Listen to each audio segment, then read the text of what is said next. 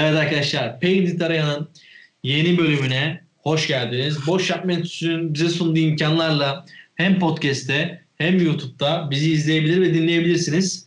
Bugün gene yoğun bir NBA gündemi. Gene e, bitirdiğimiz kariyerler, e, yıktığımız seriler devam ediyor. E, abi çok e, ayrıntılara değinmeden önce Bradley Beal'ın hepimizin küçüklükte yaptığı şeyi konuşmak istiyorum ben. O şeyin altına girip e, setin altına girip aldığı topu konuşmak istiyorum diyorum ve hoş geldin Kubilay diyorum. Hoş bulduk hocam. Ee, bugün yine NBA hakkında biraz konuşarak konuşmak e, şey yaptık. Konuşamadım şurada. Burayı kesersin. Hoş bulduk Okan.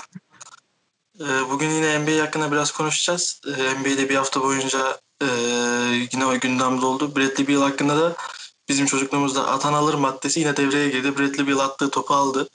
Orada ben çok güldüm. E, hala da aklıma gelince biraz gülüyorum. Ya performansı da e, iyi giden bir oyuncu şu an Bradley Beal. Açık söylemek gerekirse. Ee, her şeyi oldu. Bunun için yani kalp gibi bir şey. Aynen. Takas dedikoduları da var hakkında. Yani bir sıçrayış yapabilir. Ve böyle bu yaptığı hareket e, NBA'de bu sempatiklik önemlidir. Yani e, bu biraz daha reklam yüzü olmak gibi diyelim. Bu sempatikliği kazandırdı. Yani Bradley Beal zaten e, bu hareketleri, tavrı, işte All-Star maçında yaptıkları geçen sene, ondan önceki sene falan yani bir renkli bir kişilik. E, bu şeyin altına e, pankartın altına girmesi beni çok güldürdü. Yani attığı topu gitti. Biz genellikle ayaklarımızla girerdik ama Bradley Beal yüz, yüzün koyun girdi.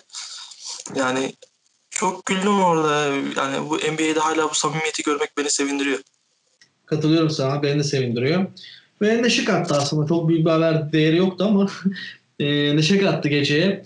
Diyebiliriz. Daha doğrusu bu haftaya neşe kattı diyebiliriz. Çünkü biz bir haftalık bir programımız değerlendirme yapıyoruz. Günlük yapamıyoruz maalesef. E, öyle bir ülkemiz yok. Onun dışında NBA gene hareketli olmaya devam ediyor. Ve e, bu hafta bitirdiğimiz bir e, durumu ele alacağız. E, geçen hatırlıyorsanız geçen hafta bizi dinleyenler, izleyenler bilir. Geçen hafta San Antonio Spurs'u övmüştük. Yani hiçbir beklenti olmadan playoff potasına girdiğini ve Popovic'in çok farklı oyunlar sergilediğini, e, yeni roller üstlendirdiğini, yeni yeni Tony Parker'lar yarattığını söylemiştik ve e, bugün e, iki gün dün haber geldi. E, bizim bu söylemimizden sonra e, yaklaşık 6 tane Covid-19 vakasıyla karşılaştı San Antonio Spurs ve 3 maçı Cleveland Cavaliers, Indiana Pacers ve Milwaukee Bucks maçları ertelendi otomatikman. Çünkü bunun sebebi Covid-19 değildi aslında. Bunun sebebi e, Painted Area 19'da arkadaşlar. Çünkü Painted Area olarak e, Spurs'ı lanetlemeye başardık. Bir şekilde herkesi bir frenliyoruz. Hani o, bir şekilde bu şeyleri hallediyoruz. Hani Utah, Utah Jazz bile hani büyük ihtimalle biz olmasaydık şu anda 20'de 20 yapmıştı. Ee, adamlar 8'de 8 giderken Utah Jazz'i övdük. Ertesi maç kaybetti. Ondan sonra tekrar kazanmaya başladı. O maçı yani o programı biz ölmesek büyük ihtimalle şu an 20'de 20 falan gidiyorlardı. Ee, San Antonio Spurs'a da gelecek olursak San Antonio Spurs dediğimiz geçen hafta bahsettiğimiz gibi çok önemli bir e, set takımı. Greg Popovich'in takımı yani bu e, e, parlamayan yıldızları parlatmaya şey, şey yapan bir takımdır. E, Tony Parker, Manu Ginobili, Tim Duncan zaten yıldız olarak geldi. Onu ayrı tutuyorum. Çaylakken bile yıldız, yıldız olarak geldi. Yani bunlar e, pek e, yıldız olmadan gelip e, ondan sonra burada yıldızlaşan, kendini benimseyen isimler. E, San Antonio'da böyle bir takım. Ama bu 6 tane Covid vakası 3 maçın birden ertelenmesi ve 3 maçın birden arka arkaya oynanacak olması San Antonio'yu yine düşürecektir. Maalesef e, Painted Area 19 yine e, başı çekti bu, bu konuda. Yapacak bir şey yok. Yani ne, ne dersek, ne dersek ters oluyor. Covid salgını da e, acayip derecede korkunç hale gelmiş durumda. E, bundan da korkuyoruz yani. Ben açıkça çok korkuyorum. Yani ben e, olacak da öleceği çare yok diyorum. Tabii ki de çekiniyorum ama yapacak bir şey yok. Yani bütün dünya yaşıyor. Sadece sen ben yaşamıyoruz bunu. Ee, ve üstüne konuşmayı da çok sevmiyorum açık söylemek gerekirse. Ee, önlem alalım. Elbette bir çare bulunacak. Çare bulunmasa da işte dediğimiz gibi yani şöyle bir hastalık olsaydı Covid, sadece konuyu kısaca anlatıp kapatacağım. e, hiçbir tedavi e, bir, herhangi bir tedavi uygulanmadan uygulanmadığı takdirde insanlar ölseydi bu çok tehlikeli olurdu. Çünkü tedavi uygulanmadan da iyileşebilen çok insan var. Yani aslında baktığı zaman öldürücülük oranı düşük bir hastalık ama hızlı yayıldığı için ve hızlı yayıldığı için çoğu insana tedavide uygulanamıyor. Yani daha iyi tedavi uygulanamıyor. Bu bağışıklığı da karşılayamayabiliyor. Ve vücut zayıfiyetlerini değerlendirdiği için risk taşıyor. Yani e, bu direkt öldüren bir hastalık olsaydı bulaştığı gibi çok daha büyük bir riskli hastalık olurdu. İnşallah böyle bir hastalıkla karşılaşmayız tabii ki. E, ama Covid de tehlikeli bir hastalık. Neyse Covid'i boş ver. San Antonio Spurs, e, Spurs oyuncularına Allah şifa versin diyoruz. Ve e, tekrardan döndükleri gibi gerçekten de set oyunlarıyla e, Batı'nın e, tabii ki dişli rakiplerden bir tanesi değil ama playoff'un en büyük adaylarından bir tanesi gibi görüyoruz. Ama bu hafta dikkat çeken diğer bir olay şu oldu. Bir takas, yani bir kadroya katım daha gerçekleştirdi. Yani şu an Doğu'nun en güçlü ekiplerinden birisi olarak gözüken Brooklyn Nets takıma bence çok doğru bir an parça kattı. Ya bu kişiden kişiye değişir. Ama ben e, şu an yani isim olarak çok iyi bir isim ama şu anki ihtiyaçlar e, biliyorsun ihtiyaçlar hiyerarşisinde e, bence alınacak bir oyuncu değildi. Andrew Robinson yani şu anda Brooklyn'in neye ihtiyacı var? DeAndre Jordan'ı benchleyecek, DeAndre Jordan'ı yedekleyecek bir 5 numaraya ihtiyacı var ama Andrew Robinson'ı aldılar. Yani sana göre çok yerinde bir hamle olabilir. Bence çok yerinde bir hamle olmadı. E, zaten senin Stuttgart'ın veyahut da oyun kurucun veyahut da 3 numaran çok dolu. Yani orada Irving, Harden, Joe Harris, Kevin Durant yani 3'ü birlikte oyun, 4'ü birlikte oynayabilen isimler. E, Spencer Dinwiddie yani bunlar var. Yani 5 numaran yokken Andrew Robinson'ı alman beni biraz şaşırttı. Ya katılıyorum ama e, alması şöyle oldu. Biraz daha savaşçı bir oyuncu bence Robertson. Bu bir. İki, e, Lavert gittikten sonra Chris Lavert o kenardan gelen yani Spencer Dinwiddie şimdi geçen seneki oyunu oynamıyor. Bu bir gerçek. Zaten bir sakatlık tabii, geçirdi. Tabii. Tam dönmüş sayılmaz zaten. E, Lavert gittikten sonra o kenardan gelen yani Şamet de bunu veremiyor. Bu eksikliği yaşıyordu. Hem savaşçı olacak hem de ikinci oyuncu oyun kurucu olacak.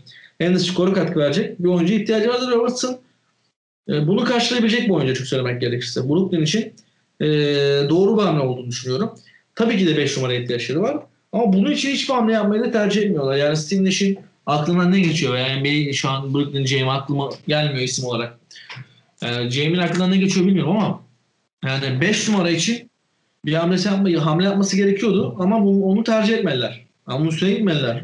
Ya belki de şu anlık doğru ismi bulamadılar da diyebiliriz. Ama Robertson e, şu an çok hareketli bir takas dönemi veya free agent dönemi geçirmiyoruz ama e, dikkat çeken takaslardan isimlerden bir tanesi oldu. Kesinlikle yani zaten e, şu anda 2-3 tane falan takas oldu. Beklediğimiz 1-2 takas var. Ee, şu anda o takas hamlelerinin arasında birinci sırada Derrick Rose var, ikinci sırada Andrew Robinson var bence. Ee, Derrick Rose hamlesi çok önemliydi. Evet. Derrick, Derrick Rose Dennis Weir takası. New York için bence çok önemli bir takastı. Ee, ikinci sırada Andrew Robinson'ı yazabiliriz ama e, dediğim gibi e, ihtiyaçlar hiyerarşisinde bence Brooklyn'de olması gereken en son e, ihtiyaçtı. Bir 2 ve 3 numara oynayabilen bir isim. Ya, katılıyorum. Yani Harden, Harden 40 dakika oynayabilir orada. Veyahut da Kyrie Irving şu an 2 numara oynuyor. Harden oyun kurucu oynuyor. Kyrie Irving'in açıklaması var işte sen oyun kur ben şutörüm, Stuttgart'da oynarım diye dedim diye açıkladı açıklama yaptı. Çok yani saçma. orada Harden, Harden, Kyrie onlar 40-40 dakika oynayabilen oyuncular. Andrew Robinson yine iyi bir hamle. Elinden geleni yapacakları bence kuvvetlendirdi. Ama dediğim gibi bence ihtiyacı en son olan yere yaptılar. Katılıyorum. Bu arada Kyrie ve Harden açıklaması çok saçma bir açıklamaydı. Kyrie'nin uslubu da çok kötü bence orada. Ya işte ben birim sen ikisini artık basketbolda bu kavramlar kalmadı. Mark Gasol'ün bile oyun kurucu olarak oynadığı bir devirde yaşıyoruz. Rudy Gobert bile oyun kurucu olarak oynayabiliyor. Ee, o basketbol artık bir işte sen birsin ben ikiyim ben işte sen oyun kurucusun ben şutörüm. Böyle kavramlar kalmadı. E, ki Brooklyn'de de böyle bence böyle bir kavram olmamalı. Baktığımız zaman e, Harden da oyun kurabiliyor. Kyrie Irving de oyun kurabiliyor. Kevin Durant da oyun kurabiliyor. Yani o anki o anda kim işte e, kendini iyi hissediyorsa ve o gün kim iyiyse Ya o kurar o diğerleri şut atar. Hani bunda fark edecek bir şey yok işte. İlla Bence bir de. isim gerek yok bence. Ha, biraz orada rol benimsetmeye çalıştı yani. Bence Kyrie biraz daha şunu demek istedi. Yani ben daha çok skor oynayacağım. Ben daha çok top kullanacağım demek istedi bence. Ama bu o- uslup yanlış yani. Ben Harden yerinde bir süperstar olsam ki yıllardır bir takımı tek başıma taşıyorum. Yani NBA'nin en büyük değerlerinden birisi olan Houston'ı tek başına ta- taşıyan bir isim olarak hani sen kimsin lan Benjamin Toşak diyeyim sen anla. Sen kimsin lan Benjamin Toşak yani derim. Ve kendimi üste çıkarmaya çalışırım ama e, aynı şekilde davranmadı büyük ihtimal Arden. Şu an Arden biraz daha ortamı tartıyor. Büyük ihtimalle ona şu söylenmiştir. Arden rahat ol. Sene sonunda Kyrie'yi göndereceğiz. Böyle sıkıntılarımız kalmayacağız falan denilmiştir. E, Harden'dan bir açıklama gelecek mi çok merak ediyorum. Yani ortamı sakinleştirici bir açıklama yapar büyük ihtimal. İçeride karışıklık yaratmak istemez. Benim Ya Harden'ın benim bildiğim bir açıklaması e, şöyle bir açıklaması olmuştu Brooklyn'e geldiğinde. Artık e, maç kazanmak için 40 sayı atmak zorunda değilim demişti. E, bu onun bence orada mutlu olduğunu gösteriyor. Hani Brooklyn'de ne kadar mutlu olduğunu gösteriyor. E, eğer iyi bir rol paylaşımı yaparlarsa 3 süperstar kalabilir. Ama dediğim gibi Kyrie biraz sorunlu bir adam. Dediğimiz gibi Kyrie biraz sorunlu bir adam. E, orada büyük ihtimalle bir sorun çıkacak Kyrie tarafından ama bugün olmasa yarın çıkar. Yarın olmasa öbür gün çıkar. Ya İlla ki Kyrie tarafından ben bir sorun bekliyorum. Yani Kyrie Irving'in bir sonraki adresini de merakla bekliyorum. E, Kyrie Irving'in açıklamaları da bence yani basını e, biraz daha bertaraf etme işte kim oyun kuruyor kim işte şutör e, sözünü bertaraf etme amaçlı bir açıklama olarak görüyorum. E, ki bu konuda da haklılar. Çünkü basın iyice Brooklyn'in üstüne düşmeye başlamıştı. Bir, bir, bir kişi bunları def etmeliydi. Kyrie o rolü üstlendi. Ee, bakalım Harden'ın buna cevabı ne olacak onu da merakla bekliyoruz. Ee, bak Harden evet ben oyun kurucuyum diyecek yoksa Harden sen karışma ben nasıl oynamak istersem böyle oynarım mı diyecek merakla bekliyorum. Ya bence maç içinde biraz daha Kyrie yani, e, sezon içinde e, daha kısa bir sezon olacağı kesin zaten bu vakalardan dolayı. E, Kyrie'nin rolü daha çok düşecek. Önemli olan burada e, playoff ki performans her şeyi belirleyecek. Açık söylemek gerekirse Brooklyn'in problemi şu. Harden diyor yani artık 40 sayı atmak zorunda değilim diye. Yani bunu takımda 3 süperstar var. Kyrie, Harden, Durant. Bunu hepsi kullanıyor bence. Yani hepimiz yani ben 40 sayı atmak zorundayım. Durant müthiş bir oyuncu da ben de 40 sayı atmak zorundayım. Yani e, süperstar olmak da bitmiyor her şey. Lebron'a söylesem ben her maç 40 sayı atabilirim, 10 asist yapabilirim, 15 rebound alabilirim diyebilir.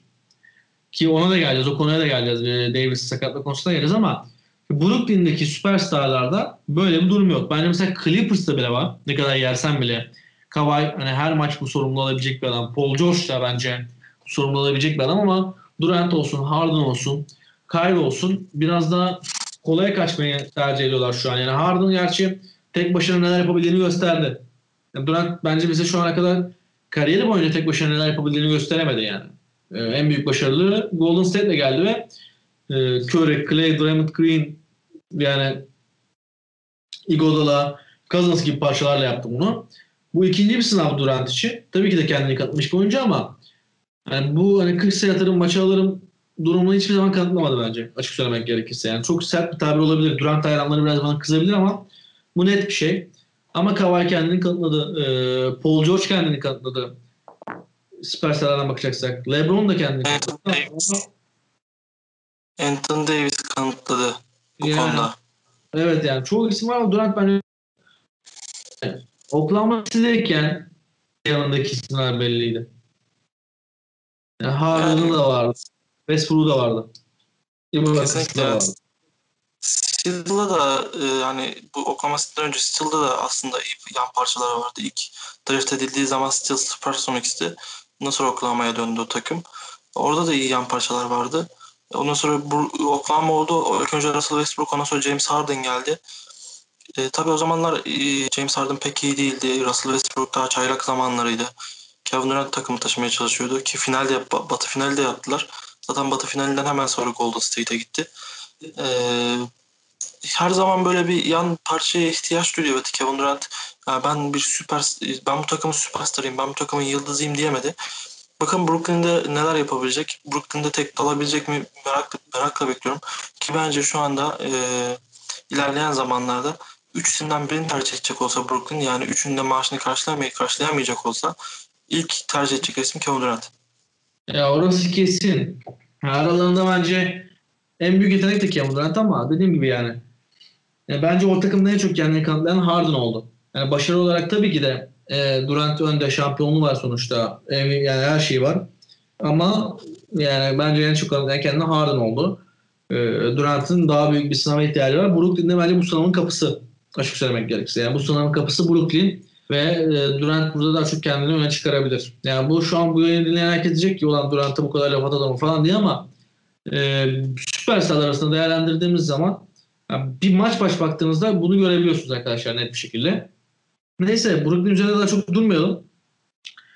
Ki Ee, bundan önceki programda sürekli şeyi söyledik yani bu ligde dur, durdurulamayacak tek oyuncu Kevin Durant diye bahsetmiştik altını çizmiştik hani boşuna haterlığa gerek yok biz e, övülecek yanları övüyoruz ama gömülecek yerleri de Gömüyoruz. gömülecek yerleri övecek halim yok. Yani Durant durduramaz bir oyuncu ama dediğimiz gibi yani e, daha bence o şeyi one star olayını kanıtlamadı yani. One star olayını zaten şu an NBA'de oynayan aktif oyuncular arasında kanıtlayabilen bence iki oyuncu var diyebiliriz. LeBron James ve Kawhi Leonard olarak görüyorum ben yani şu an bak. Lebron'un Lebron'un o özellikle Isaiah Thomas ve Jay Crowder takasından sonra takımını finale taşıması o çöp kadro ya. Açıkçası çok çöp bir kadroydu. Hani takımın Galiba. iki numarası J.R.'di, beş numarası Tristan Thompson'dı. Yani iki numara beş numara değil işte e, yerleşimine göre söylüyoruz. İki Aynen. numarası J.R. Smith ve beş numarası Tristan Thompson olan bir takımı Kevin Love'la beraber Kevin Love'la beraber değil mi? Kevin Love o zamanlar pek yardım etmiyordu. Kevin gerçi Love, Kevin Love hala ortalar. aynen Kevin Love yok abi. Yani Kevin Love'sız, Kevin Love'la beraber diyelim yine de. Sözümüzü devam ettirelim. Ee, LeBron James o takımı süper, finale taşıyacak ne kadar e, bir tek yıldız olduğunu bize gösterdi ama Kevin Durant'ın hala böyle bir başarısı yok. Eğer Kevin Durant LeBron James ile ileride kıyaslanmak istiyorsa bunu yapmalı. Katılıyorum. Ee, yani aynı düşüncelere sahibiz zaten bu konuda. Dediğimiz gibi yani Durant e, şu an bence bana göre Kawhi'la e, LeBron'un gerisinde. Benim fikrim bu. Daha çok kanıtlayan iki isim olarak görüyorum kendine. E, onları. LeBron demişken de bu haftanın bir diğer olayı Anthony Davis sakatlığını konuşmak lazım. Bir an herkes aşırı attı sandı. E, pis bir şişlik vardı. E, Sen Çok Lakers taraftarı olarak bir ellerini titremiştir hafiften.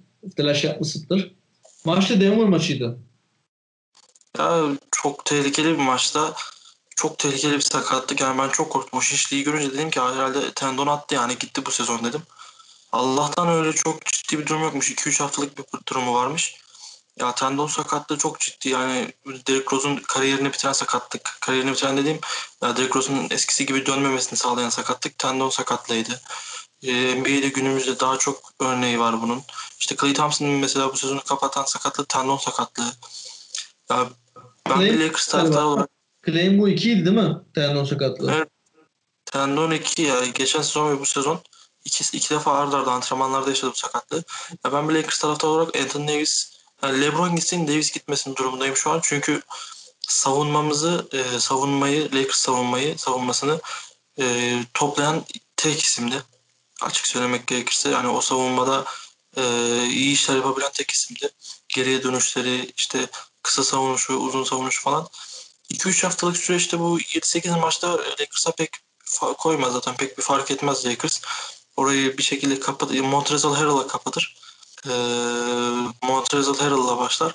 Ama Anthony Davis'in olmaması büyük ihtimal şampiyonluğu etkilerdi. Şampiyonluğun el değiştirmesini sağlardı. Ya şimdi 2-3 hafta olmaması demek şu yani bir de şöyle bir şey dediler. 2-3 hafta sonra belli de olacak dediler. Yani daha uzun bir süre de süre de olabilir.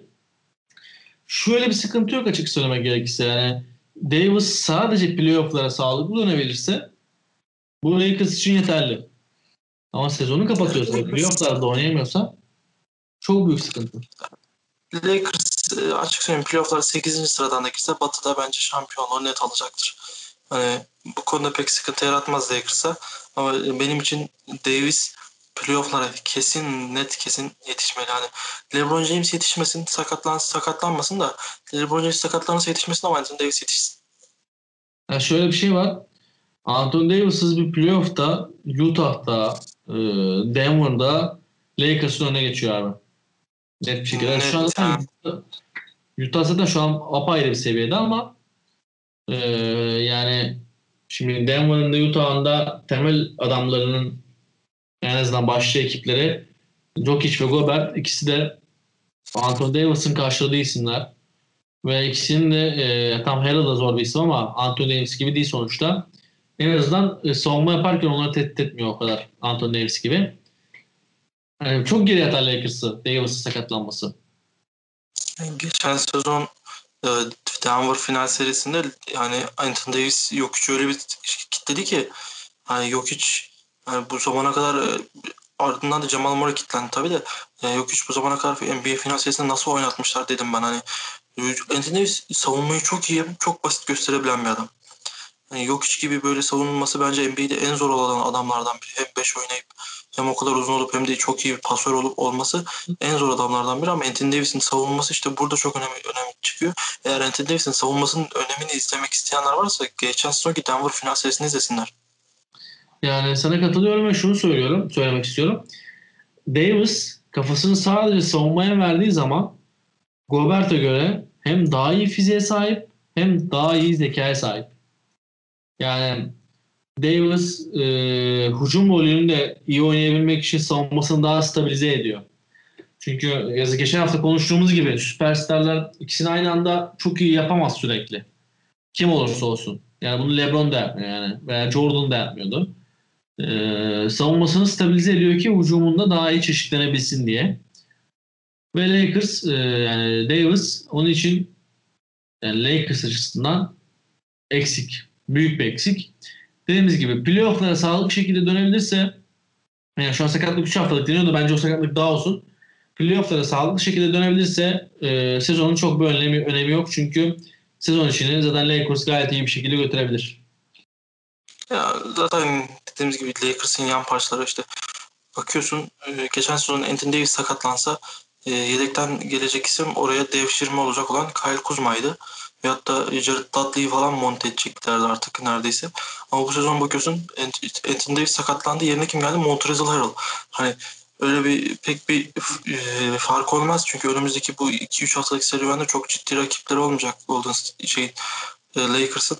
E, Lakers'ın yani LeBron ve yan, yanındaki adamlarla beraber kazanabileceği bir maç. Özellikle Marcus ve Weston Matthews'un öne çıkacak çıkabileceği maçlar var önümüzdeki 2-3 hafta.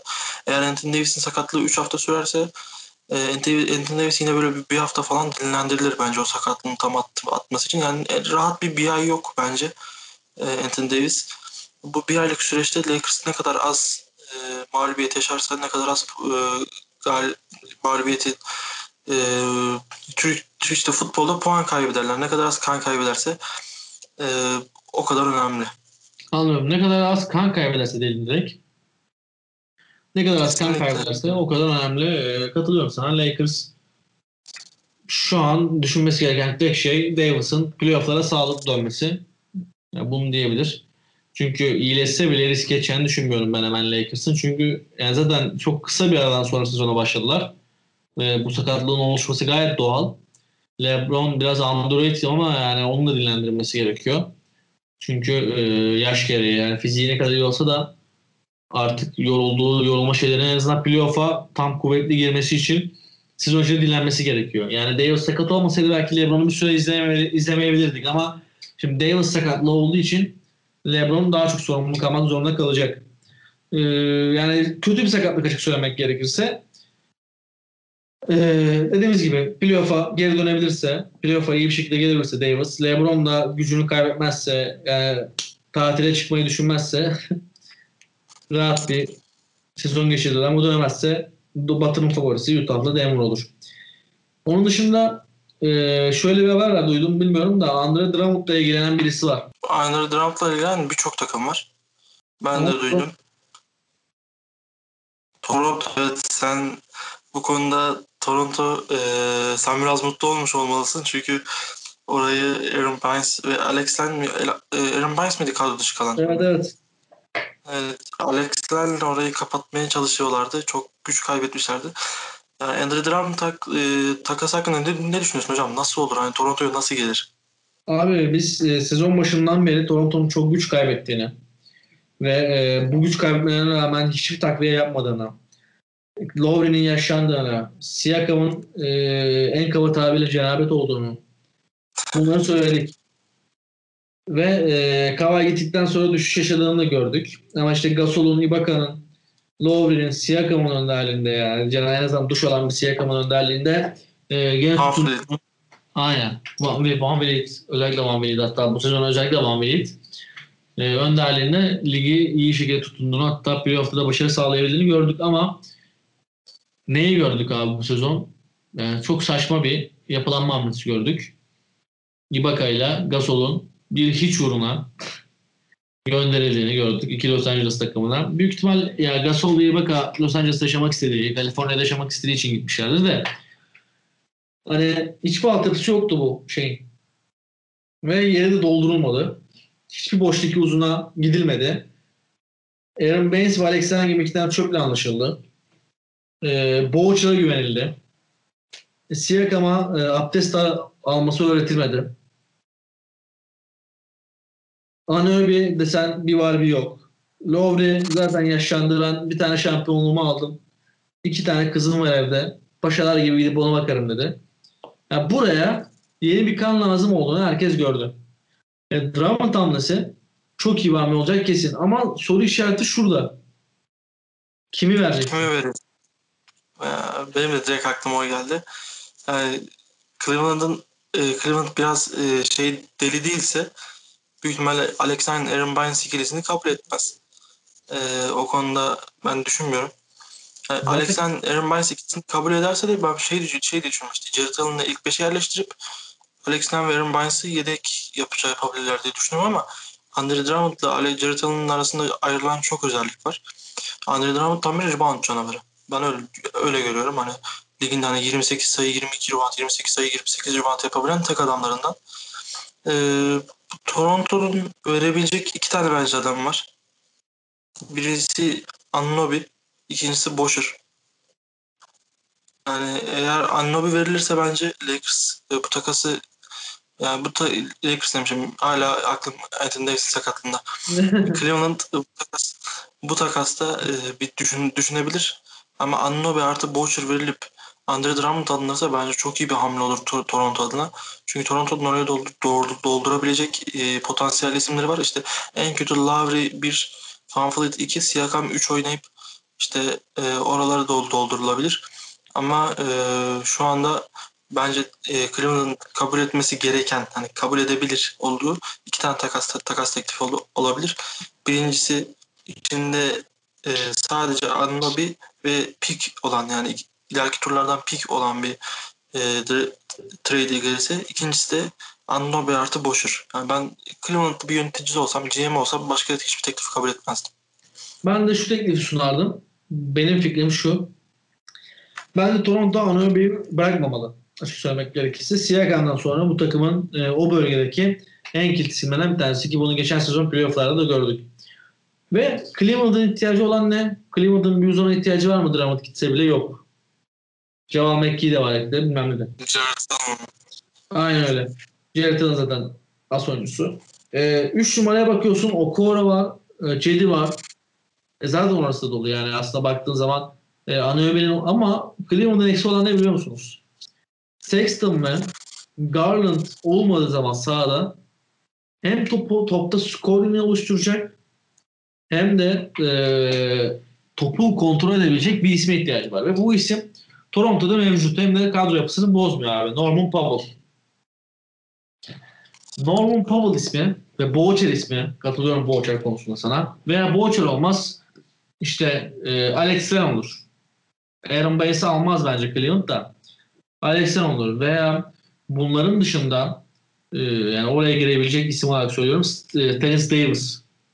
Yani Norman Powell'lı bir paket Cleveland için ideal paket. Çünkü e, Toronto zaten çok güç kaybetti. Yani Norman Powell'ı kaybettiği zaman da güç kaybedecek bu arada rotasyon, rotasyon anlamında ama e, mecbur kal. Yani Drummond almak için bunu yapmak zorundasın. Mecbur kaldığı için e, buradaki en ilk hamle bu olur. Norman Powell'ın gitmesi olur. Ve hem de Cleveland'ın işine gelecek hamle de bu olur. Norman Powell konusunda katılabilirim.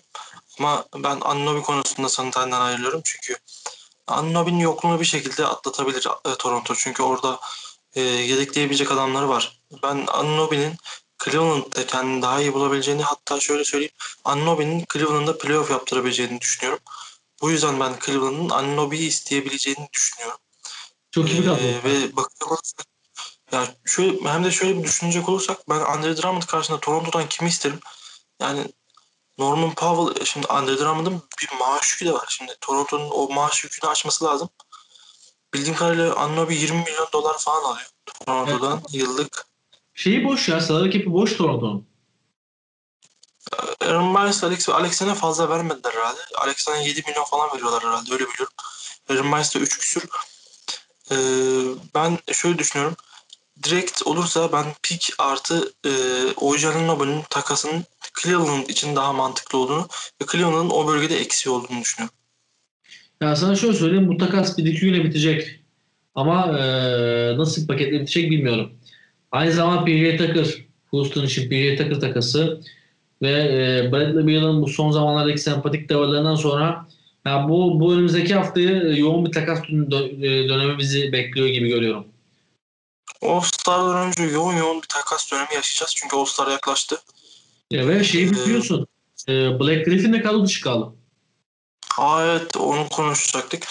Black Griffin Detroit'te kadro dışı kaldı ve birçok talibi var. Blake Griffin'in oyunu her sene her geçen sene kötüye gidiyor maalesef. Yani bunu söylemek söylemekte hiç kimsenin bir sakıncası olmamalı yoktur herhalde. Blake Griffin'in oyunu her geçen sene kötüye gidiyor. Bundan 5 sene önce 200 küsür smaç basan adam bu süre daha hiç smaç basamamış şu ana kadar. Ee, bu hep de değişen NBA'yi bize gösteriyor. Değişen NBA oyununu bize gösteriyor ama Blake Griffin'i alacak takım çok yüksek bir maaşın altına girecek bir maaş yükü var. 35-36 milyon dolar falan bir maaşı var. Ama bu Black Griffin alacak takım e, Blake Griffin o takıma seviye atlatır mı? Çok yüksek atlatır. Özellikle de yani şu anda o 4-5 numarada eksiği olan takımlar Black Griffin ilaç gibiler. Katılıyorum ve şu yoruma katmak istiyorum. Black Griffin NBA'ye geldiği zaman e, melez bir atletti ama çağ dışı bir atletti. Yani bir siyahi oyuncuya göre e, son zamanlarda hatta belki NBA'deki son 20 yılda gelmiş en iyi atlet oyuncuydu ve e, onun smaç yarışması bence son zirvesi smaç yarışmasıydı. Yani Gordon'la Lamay'ın yarıştığı yarışma değildi ama Black Griffin'in yarıştığı yarışma, arabanın üstünden sıçramalar falan filan, kol sokmalar bilmem ne yani o yarışmayı hala izlerken böyle hala heyecanlanıyorum. Black Griffin böyle bir oyuncuydu. Sadece e, atletizmini kullanarak ve iyi savunma yaparak oynayan bir oyuncuydu. Sonra yaşadığı ağır sakatlıktan sonra Black Griffin şut atmayı Black Griffin oyun kurmayı öğrendi. Black Griffin sırtı dönük oynamayı öğrendi. Yani bence sakatlık Black Griffin'in atletikliğini düşürdü ama Black Griffin'i all bir oyuncu yapmaya götürdü. Yani Black Griffin evet çok düştü. Artık o gösteri seviyesi yok onda. Kaldı çıkarması sebebi büyük ihtimal başka. Yani Detroit'e neden gittiği zaten bilinmiyor. O büyük bir tartışma konusu olmuştu Clippers takasında o muhabbette. Hoy Harris Harris'e karşı takıs olmuş yanlış hatırlamıyorsam. Detroit'ten Tobias Harris karşılığında takıs olmuştu. Ee, yani Jackson ve Tobias Harris evet. Yani Black Griffin çok değişti. Allround bir oyuncu oldu ve şu an gideceği herhangi bir takıma büyük bir seviye atlatabilir. Kesinlikle. Ve NBA'de onun onu isteyecek 10 tane takım ve ona karşı teklif sunabilecek 10 takım sayabilirim. Çünkü Detroit'in de çok eksiği var. Yani herhangi bir takımdan gelecek 2-3 alternatifli tercih hem onları maaş yükünden kurtarır hem de kadrosu rotasyonu genişletir. Zaten Grant üstüne ve Kill Knight üzerine kurulmuş bir takımları var. Ee, yani, yani daha şu, Blake Griffin kime gider bilmiyorum ama Blake Griffin'in gitmeyeceği iki tane net bir takım var. Ee, şu anda gitmeyeceği iki net takım Los Angeles takımları. Çünkü ikisinin de maaş yükü tamı tamamı tamı tamamına dolu ve boşaltmak için Lakers'ın bench'inin tamamını veyahut da bir tane süperstarını vermesi gerek. Clippers'ın da ya bench'inin tamamını bir tane süperstarını vermesi gerek. Yani Los Angeles'a gelmeyecek. Ben Golden State'e gidebilir. Öyle düşünüyorum. Hani Draymond Green falan ta karşısında bir takas olabilir mi? Belki olabilir. Ama Blake Griffin alacak takım yani NBA'de çok çok çok zor bir maaş günün altına girecek. Hani benim fikrim Golden State'e gitmez bu arada. Draymond Green, Curry iki ayrılmaz. Yani şu an Clay'in sakatlığında Dün bir pozisyon gördüm. Morton Tucker oyunu kurmaya çalışıyor falan filan. Yani Green geliyor hemen topu alıyor. Adam eksiltiyor. Screen'le Curry'nin önünü açıyor. Üçlük attırıyor Curry'e falan. Yani Green, Black Griffin oyunları yapamaz. Bir de Black Griffin'de ego var. Ee, ve açık söylemek gerekirse ben yakıştırmıyorum da Golden State'e. Yani Black Griffin kime gidebilir abi? Black Griffin şu an zirveye oynayan takımlar arasında çoğu takıma yarar baktığın zaman. Yani bir, ama işte o maaş yükü ve o egoyu kaldırabilecek takım çok az. 35 milyon dolardan bahsediyoruz hani boru değil. Mesela Bugünlerde bir yani o ya Boston çok yakışır. Açık söyleyeyim hani hem Tristan Thompson, ya Tristan Thompson, Black Griffin, Jason Tatum, Jalen Brown, Kemba Walker. Beşe bak. yani ama e, şöyle şöyle bir şey söyleyeyim.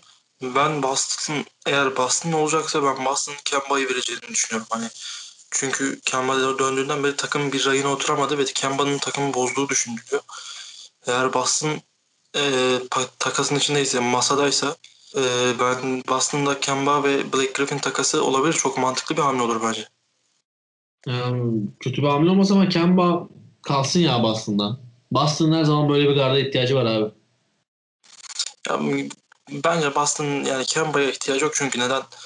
Tatum, Smart, Brown, e, Evet, Durant- yani bence de kuvvetli. Yani Jeff Teague var bence de yani oyun kurucu olarak. Peyton Pritchard. E, Peyton Pritchard yani çok iyi oyuncular bunlar. E, ki Peyton Pritchard'ın çaylak olarak iyi oynamasını iyi oynuyor. E, şöyle 5 düşündüğüm zaman işte oyun kurucu Smart ki oynayabilir. Zeki bir oyuncu. Soyadı gibi. E, Smart, Brown, Tatum, Blake ve e, Tristan Thompson 5'i olabilir. Ki Kemba'nın verilmesini ben çok mantıklı bulurum. Yani iyi bir takas olabilir ama bu sefer Detroit'in Kevin Hines'ın üzerine kurduğu oyun tamamen farklı bir yapıya bürünebilir. Ve başka bir hikaye olarak şunu düşünebilir Black Griffin takasında. Charlotte devreye girebilir. Şimdi Lamela, Gordon Hayward ve e, Biombo'nun yanına böyle isim düşünebilir. Ama mesela Biombo'dan da o kadar memnun değil Detroit. Yani iki kontratı karşı çarpıştırabilirler birbirlerini anladın mı? Şey, Charlotte memnun değil Biombo'dan. E, Detroit ve Charlotte bu konuda uzlaşmaya varabilirler. Yani iki tane yüksek kontratlı karşılıklı olarak değişebilirler ve iki takıma da farklı bir etki yaratabilir bu. Yani bu takas senaryolarını biz sabaha kadar yazabiliriz yani bu Blake Griffin için. Çünkü yani ama bizim atladığımız şöyle bir mesele var. Ya bu adamın yani sürekli söylediğimiz gibi bu adamın maaşı var abi. Yani bu adam boru değil yani 35-36 milyon dolar para alıyor. Ve bu maaşı yani salary cap'i boşaltması lazım bunu alacak takımın. Ya boşluğun üstüne bunu tamamlayacak bir oyuncu vermeleri lazım. Ya da tamamen oyuncuların maaşlarına bağlı olarak Blake Griffin'le aynı eşdeğerde maaş boşaltmaları lazım. Ee, Blake Griffin takası zor bir takas olacak. Ama e, bu olacak. Net bir şekilde takaslanacak. Nereye, nereye gidecek ben de çok merak ediyorum. NBA'de yakışmayacağı bir takım yok bence. Hani her takıma yakışır. Ee, ama gittiği takıma güç katacak mı katmayacak mı? Gittiği takım neler yapacak? Onu beklemekten başka bir şey gelmez elimizden. Aynen öyle. Yanındaki parçalar da çok önemli. Onu da unutmayalım. Ee, programımızın yavaş yavaş sonuna geliyoruz. 40 dakikaya yaklaştık zaten. Ee, onu şunu söyleyeyim. Bir de şu haber vardı. Ee, San Antonio ile temasa girdiği için Chicago Bulls takımının da iki maçı ertelendi. Ee, daha çok ertelenmeler gelir zaten bu son dönemde. Onun dışında e, bir seri daha, yani seriyi bitirmeyelim de biraz daha yere, e, övelim ki düşsünler. Düşsünler demeyeyim de en azından düşeceği belli. Phoenix Suns'ı övmek istiyorum biraz. Kısa özet geçeceğim. E, Denver'ı övüyoruz, Utah'ı övüyoruz ama Batı'da gerçekten de çok sağlam bir Phoenix Suns var. Büyük ihtimal yarın 36 tane Covid vakası çıkacak bu video yayınlandıktan sonra. Bu işte ses kaydı yayınlandıktan sonra 36 Covid vakası çıkacak ama e, gerçekten de e, çok farklı bir Phoenix Suns izliyoruz. Yani üstüne konuşmaya doyamıyorum açık söylemek gerekirse. Programın sonuna denk gelmesi de üzücü. E, bir dahaki program daha çok değiniriz üstüne. Çünkü zaten Covid vakalarını konuşmuş olacağız. Veya işte Devon Booker'ın sezonu kapatmasını falan konuşmuş olacağız. E, lanet ettiğimiz için. Övdüğümüz için. E, ben, ben onları zirvede görmek istiyorum açık söylemek gerekirse. Yani aklımda şöyle bir senaryo var. Anthony Davis'ın olmadığı bir playoff'ta Utah, Denver, Phoenix, Clippers ve Lakers'ın savaşını görmek istiyorum. Batı'da özellikle. Doğudaki Batı savaş çok- aldı. Yani doğudan gelecek takım hemen hemen belli gibi. Hani doğuyu artık pek konuşmaya gerek yok bence. Hani doğudan gelecek takım hemen hemen belli gibi. Çok çok büyük iki sakatlık veyahut da takım içi restleşmeler falan olmasa Brooklyn doğudan finale çıkacak. Yani bu körlerin bile tahmin edebileceği bir şey. Yani sarların bile tahmin edebileceği bir şey. Ee, şu anda e, Batı için çok büyük çekişme var. Utah muhteşem bir takım. Takım olgusunu en iyi gösteren takım. Ee, geçen bir setlerini izledim. Yani Utah'ın maçlarını pek takip edemiyorum ama geçen bir setlerini izledim. Ee, NBA, NBA'de e, NBA'nin ana sayfasında. Yani tüm takım topa değiyor. Gobert'le başlayıp en sonunda sağ köşeden sağ alt köşeden Joe Ingles'ın üçlüyle bitiyor. Harika bir paslaşma trafiği oluyor Utah. Duracak olursak Denver geçen seneden bildiğimiz bir takım. Jamal Murray işte bence şu an NBA'in en iyi en iyi 3-4 basketbolcusundan biri Nikola Jokic. Ee, on sahipler yedek parçaları çok iyi, yan parçaları çok iyi. Dönüp bakıyoruz Batı'da devam, Batı'dan devam ediyoruz. Batı'da yani Phoenix Suns'ı sen Phoenix Suns'tan bahsettin büyük ihtimalle yarın falan böyle bir sakatlık makatlık bir şey olacak. Ee, biz konuştuk. Phoenix Suns'ta yani Chris Paul bir takım bu kadar metkar bu kadar etkiler. Ee, bir anda DeAndre Ayton'ı çok büyük çıkardı. Devin Booker'ı çok büyük çıkardı. Ee, Jay Crowder orada çok büyük etkiler yaratıyor. Ee, devamlı sürekli ben duyduğum kadarıyla yani okuduğum kadarıyla e, Adrian Wojnarowski'den falan e, sürekli bu takım iletişim halindeymiş. Hani böyle e, maç e, antrenmana beraber gidiyorlarmış, antrenmandan beraber çıkıyorlarmış. Yani beraber gidiyorlarmış dediğim e, işte maç, antrenman saatleri aynı falan o yüzden beraber değil. Bildiğiniz bir, bir yerde buluşup tüm takım beraber antrenmana gidiyorlarmış. Böyle beraber vakit geçiriyorlarmış sürekli. Yani takım olma olgusunu çok iyi Chris Paul orayı sahiplenmiş böyle gözüküyor. Yani Los Angeles Clippers var. Dönüp bakıyoruz pek fazla konuşmasak da hani şu anda formsuz gibi gözüküyor. Golden State Warriors gibi bir gerçek var. Ki Yani Batı çok. Yani Batı çok çekişmeli geçecek. Yani benim e, gönlümden geçen final her zaman belli yani. Lakers Nets finali görüyorum ben. İnşallah ben de Lakers net finalde görüyorum. Lakers finalde görmek istiyorum ama programı kapatmadan önce şunu, şunu söylemek istiyorum. Umarım e, Phoenix Suns sezona başlamadan önce bir belgesel ekibi tutmuştur. E, Chris Paul veya Phoenix Suns bir belgesel ekibi tutmuştur. E, bambaşka bir hikaye izlemek isterim. Aynısı Utah'da için geçerli. Utah ve Phoenix Suns için geçerli. Bambaşka bir hikaye izlemek isterim onların açısından diyorum ve Paint Italian'ın videolu ve podcast olarak sonuna geliyoruz. Bu hafta da gündemi konuştuk. Çok yoğun bir gündem yoktu. Ee, önümüzdeki hafta büyük ihtimal ve ondan sonraki hafta NBA'de patlamalar başlayacak her açıdan. Covid'inden tut takasına kadar, All-Star'ına kadar patlamalar başlayacak. Ee, öyle tahmin edebiliyoruz. Lanetli program olarak konuşmaya devam ediyoruz. Bu programı övdüklerimize dikkat edin. Yayınlandıktan sonra neler olacak göreceksiniz arkadaşlar. Kendinize iyi bakın. Görüşmek üzere. Bizi takip etmeyi, followlamayı, abone olmayı, beğenmeyi, paylaşmayı, her platformdan dinlemeyi ve izlemeyi unutmayın. Kendinize iyi bakın.